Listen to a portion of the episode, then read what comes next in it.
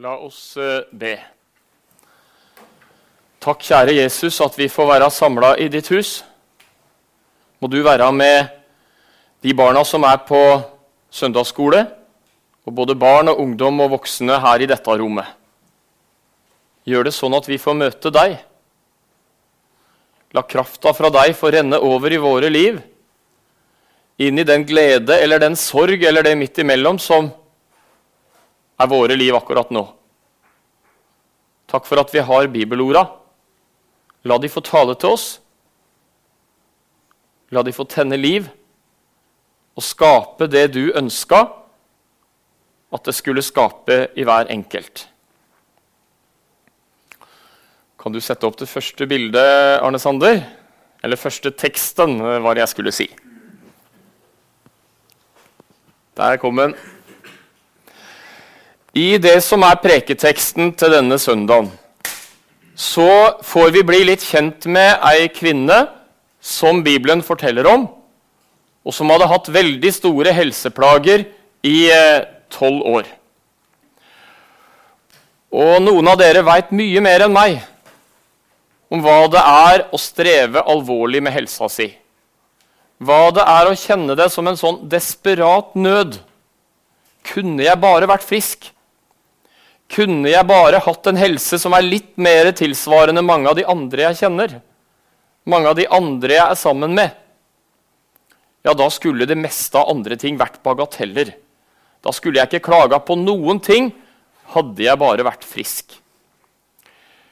Jeg tror noen av dere kjenner dere og forstår og vet om hva slags terreng Er lyden grei, Steinar?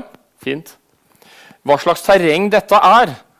Og noen av dere er mye bedre i stand enn meg til å forstå noe av den desperate nøden som denne kvinnen hadde vært i gjennom tolv år. Er det noen av dere som er tolv år gamle? Cirka det? Det var det ikke, men det er noen som er litt i nærheten. Og for noen som eh, har vært tolv år for ikke så lenge siden, eller snart blir tolv år, så kjennes tolv år veldig lenge. Og hvis det er noe som er forferdelig vondt, så blir tolv år også mye lengre enn hvis livet går litt mer glatt og greit og litt mer sånn solskinnsdager som preger livet. Og når vi er i en sånn desperat situasjon Kunne jeg bare bli frisk?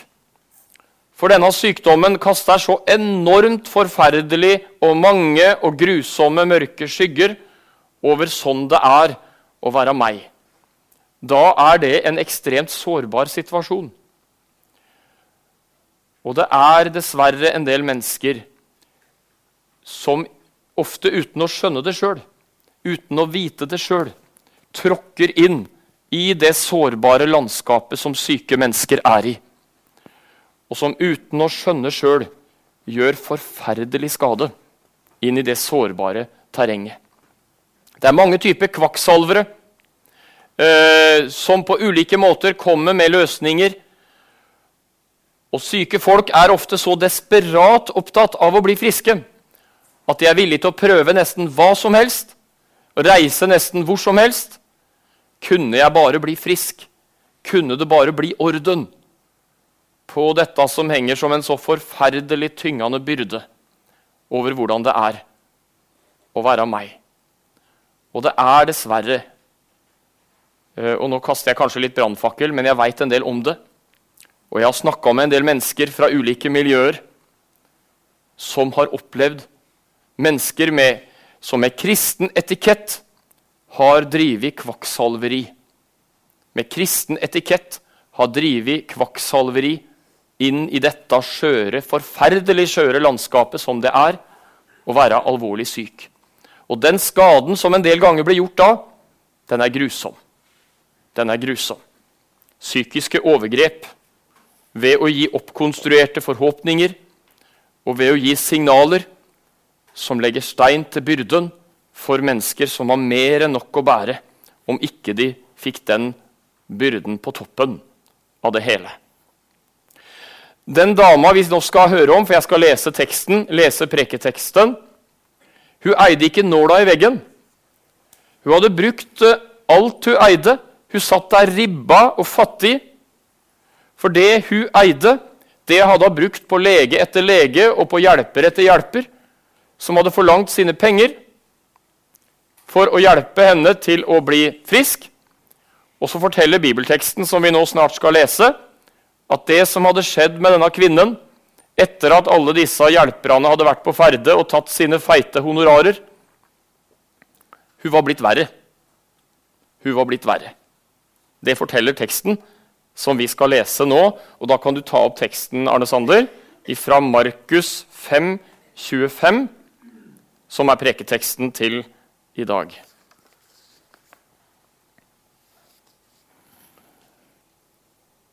Ser dere det bakover, eller er det litt for liten skrift? Det nikkes av folk som ikke er av de aller yngste. Og da er det et godt tegn. Det var en kvinne der som hadde hatt blødninger i tolv år.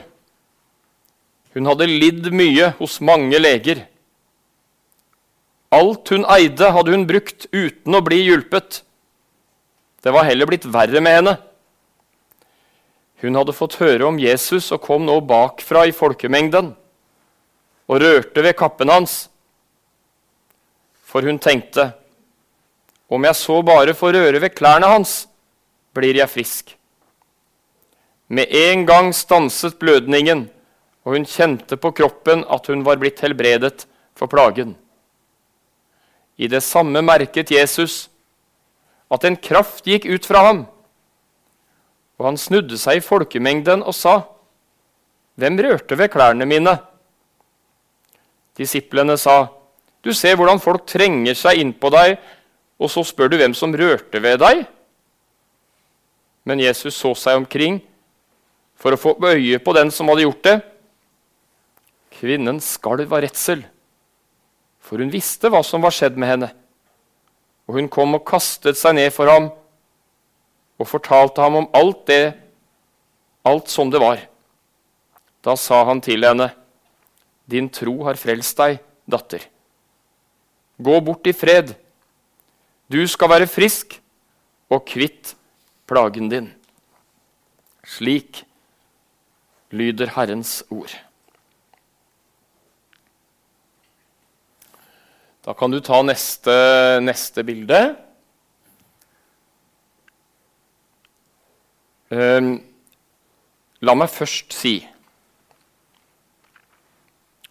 Du som eh, er en ungdom, du som er et barn Du har eh, kanskje merka det i ditt liv at du strever med å skjønne Gud. Når Gud er så stor, når Gud er så mektig, og når Gud er så god, Hvorfor i alle dager skal jeg baske med så mye krevende? For det er krevende å være ung, og det er mange ganger krevende å være et barn. Det er miljømessige ting. Det kan bli noe greier mellom noen gutter noe greier mellom noen jenter som kan tære på kreftene, og som kan rive og slite langt inn til margen. Hvorfor gjør du ikke et fantastisk under, sånn som du gjorde med denne kvinnen, som blei helbreda i møte med Jesus?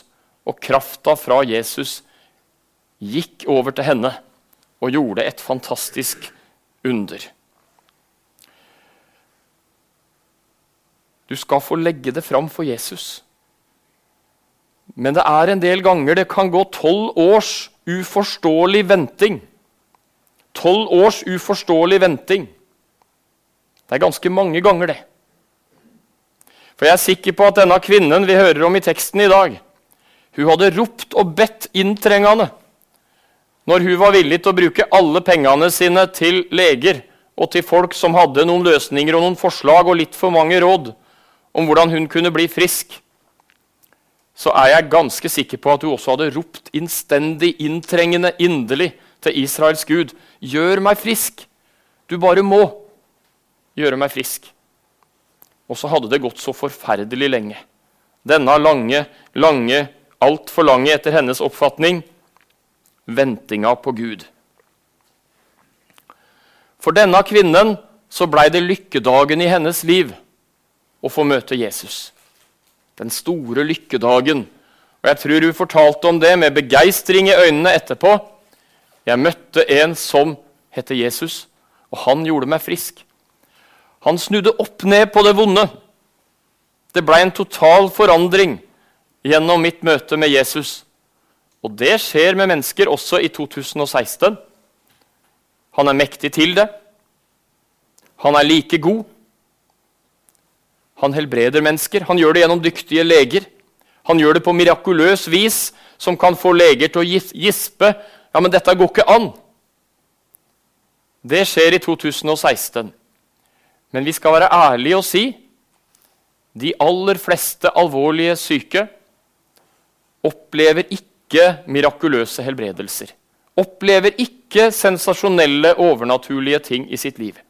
Det er virkeligheten i Norge, og det er virkeligheten de aller, aller fleste steder. Det skal vi være ærlige og si.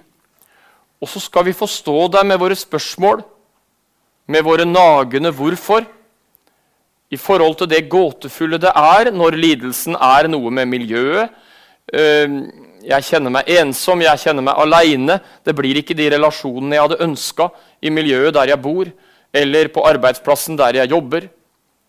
Eller når problemet er sykdom og helseplager, som vi så veldig, veldig gjerne skulle ha lagt bak oss og blitt ferdig med jo før, jo heller. Hvem var det som rørte ved meg? spurte Jesus. Visste ikke han det, da? Jeg tror han visste det. Jeg tror han visste det godt. Jeg tror han visste godt at det var denne kvinnen. Hadde du noen bilder av den kvinnen, eh, Arne Sander? Var det litt tidligere på Hvis du går tilbake igjen jeg tror vi har hoppet. Der, ja! Enda litt før også. Ser dere hvordan hun kommer? Der eh, i eh, desperat nød. Denne knugede, tyngede kvinnen. Og så kan du ta den neste. Og rører ved klesplagget til Jesus. I desperat nød og med en forhåpning om at det skulle kunne gjøre henne frisk. Så kan du gå tilbake igjen til der vi var. Videre tilbake, Ett hakk tilbake. Der, ja. Den kan stå oppe nå. Hun skalv av redsel og kasta seg ned for Jesus. Og Jesus, eh, etter at Jesus hadde gjort det kjent hvem det var som hadde rørt ved kappa hans, og jeg tror at grunnen til at Jesus spurte, det var at han ville hun skulle dele vitnesbyrdet. Hun ville, Jesus ville at, skulle, at hun skulle stå fram med det.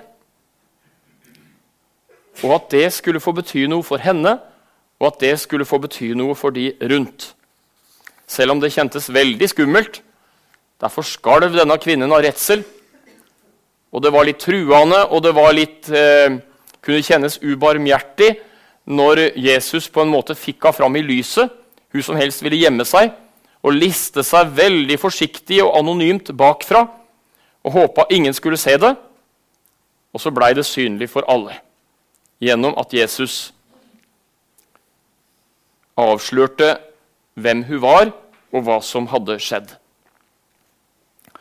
Jesus sier, 'Din tro har frelst deg, datter'. Kan du ta den neste, neste teksten? Jeg syns det ordet i teksten i dag er så bra. Og det fins datterforhold som ikke er gode. Det fins døtre som har et forhold til sin far eller til sin mor eller til begge, som gjør at det ordet ikke har så sterk klang, så varm og god klang. Men for en del andre så har det veldig dyp og god klang selv om det er ufullkomne foreldre. Så alltid, vi foreldre har alltid våre trekk av det ufullkomne i varierende grad. Her er det den gode Gud som sier til den lidende, hardt prøvede kvinnen som har kjempa seg gjennom tolv års mareritt Datter, datter. Kjenner du litt på varmen? Og kjenner du litt på hva for en tiltale det er i de orda der? Datter.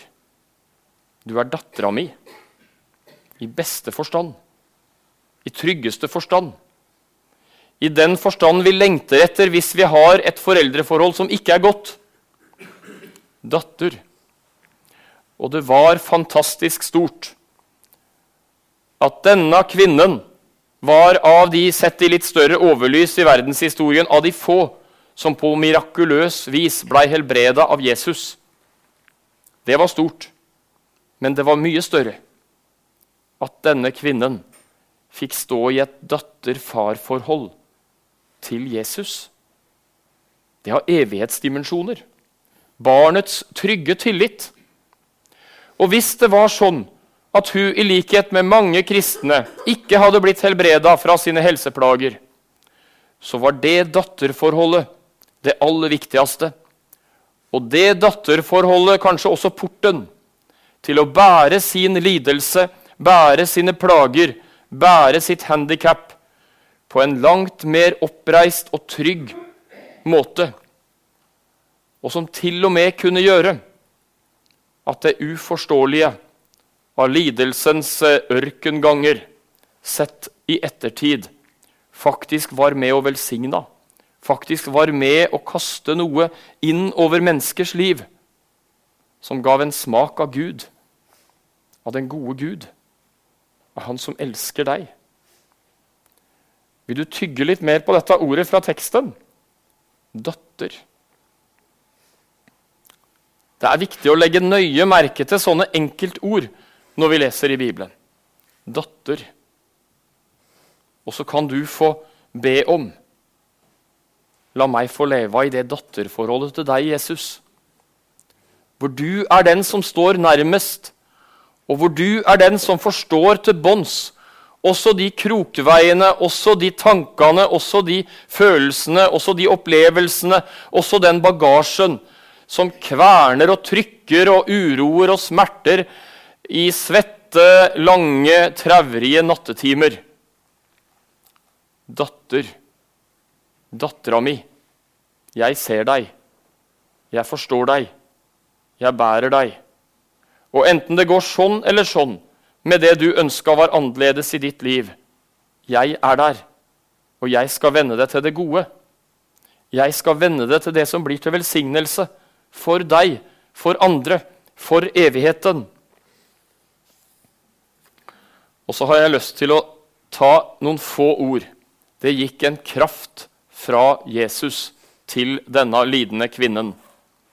Og så kan det hende du sitter på en stol, en lilla stol, eller en kirkekrakk og tenker jeg kunne trenge noe av den krafta. Jeg kunne trenge noe av det inn i mitt kraftløse kristenliv. Hvor det ikke kjennes som spreke greier.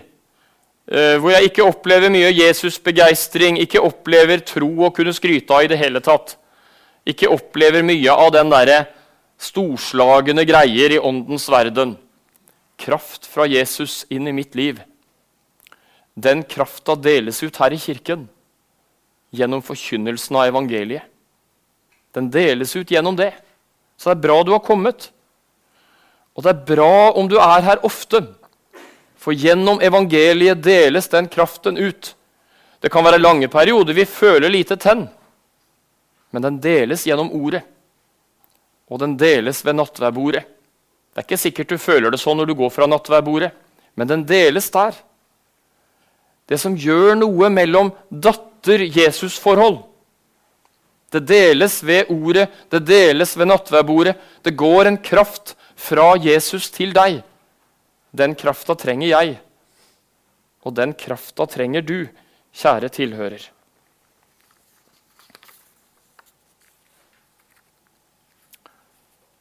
Kan du ta neste Da kan vi ta neste der igjen. Jeg skal ta det veldig kort. Eh, et par av dere var til stede oppe i Numedal for kort tid siden. Der hadde jeg en litt lengre undervisning om det samme. Nå skal jeg ta kortversjon eh, om det. I evangeliene, og særlig de tre første evangeliene, så står det om veldig mange helbredelser. Det står om veldig mange helbredelsesunder, hvor Jesus griper inn i menneskers liv og sykdommen må vike for Jesu kommando. Og så i del av, i starten av apostlenes gjerninger, kirkens aller tidligste historie, så får vi også høre en del om det. Mirakuløse helbredelser, sykdom som må vike, og som befales bort i Jesu navn. Siste del av apostelgjerningene hører vi langt mindre om det. Og i hele Det nye testamentets brevlitteratur hører vi svært lite om det. Der er fokuset et annet sted. Og det er mye som tyder på, når vi ser på linjene i Bibelen, og når vi ser på linjene i kirke- og misjonshistorien, at der evangeliet er i en aller første oppbyggingsfase At det skjer ekstra mange overnaturlige ting. Mirakuløse helbredelser. Helt ekstraordinære ting som Gud gjør gjennom Jesu navnet. Og så ser det ut for i Guds husholdning at der evangeliet tross alt har begynt å få fotfeste og har vært lenge i en kultur, at Gud bruker i større grad andre måter. Og Jeg vet ikke hvorfor, men det er et trekk som går igjen i verdenshistorien. Vi har sett det i Kina, i Etiopia, i den første nybrottstid. Mange ekstraordinære helbredelser og under. Og det avtar etter hvert. Men det betyr ikke at Gud blir mindre. Det er den samme Gud som ser ut til å bruke litt andre måter inn i litt ulike epoker av det å formidle evangeliet inn i, en, eh, inn i et folk, inn i en befolkningsgruppe. Det er den samme store Gud. Og den kristne kirke skal alltid, uansett hvilke epoker vi er i, har mye fokus på å gå runder sammen med syke mennesker. I diakonalt ansvar, i å være med og forsøke å lette byrder. Vi skal be for syke, vi skal be om helbredelse, uten å gi falske forhåpninger som gir stein til byrden. Eh, vi skal gå runder og på ulike praktiske vis og på ulike sjelesørgeriske vis be om å være redskaper for Gud sånn at syke mennesker i så liten grad som mulig blir knuga og trykka ned av sine forferdelige helseplager. Og så får vi overlate til Gud. I det datter-far-forholdet, i det sønn-far-forholdet, som vi er tenkt å leve i i trygghet og tillit. Hvorfor han handler forskjellig. Og det verste vi kan gjøre, er å legge stein til byrden for syke ved å juksehelbredelser, eller ved å lage en masse sånn eh, helbredelser av psykosomatiske som er, Det er jo ofte det i en del miljøer. Psykosomatiske lidelser som er omtrent umulig å kontrollere. Og hvor veldig mange av helbredelsene er nettopp på det. Gud bevare oss fra det. Det er farlig. Det er farlig. Så får vi overlate til Gud hvorfor han gjør litt forskjellig i litt ulike epoker av misjonshistorien. Men det er den samme kjærlige Gud som er levende opptatt av deg, like mye som han var levende opptatt av denne dama, som hadde kjempa og strevd og baska med sine blødninger i tolv lange, marerittaktige år. Og så vil vi som kirke som sagt være der og bruke mye ressurser, for det er Kirkens eh, høyt prioriterte kall å forsøke å lette byrden for syke mennesker, enten de nå går i menigheten eller ikke. Det er saken uvedkommende. Å være et sted som med levende engasjement har det for øye at menneskers nød angikk Jesus, og det angår oss. Og vi skal være Jesu hender og føtter på den måten han utruster oss til, og på den måten han leder oss til inn i dette forferdelige, krevende og sammensatte landskapet som sykdom og helseplager av ulike slag er for mange mennesker. Vi kan komme litt mer tilbake til dette seinere. Og, og kanskje se litt nærmere sammen på ulike tekster og ulike sider i Guds ord om disse sammensatte og kompliserte temaene som jeg drista meg til å si en del om uh, i dag.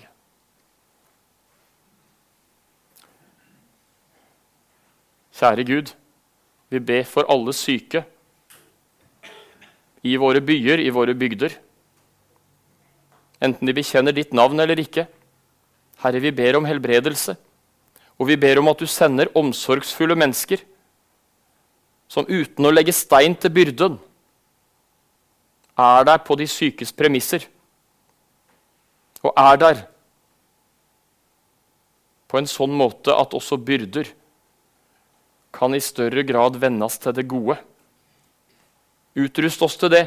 Utrust barn, ungdom og voksne til å leve ut evangeliet i møte med mennesker som kjenner at livet blør og gjør vondt. Og så ber vi aller mest om frelse, om evig liv.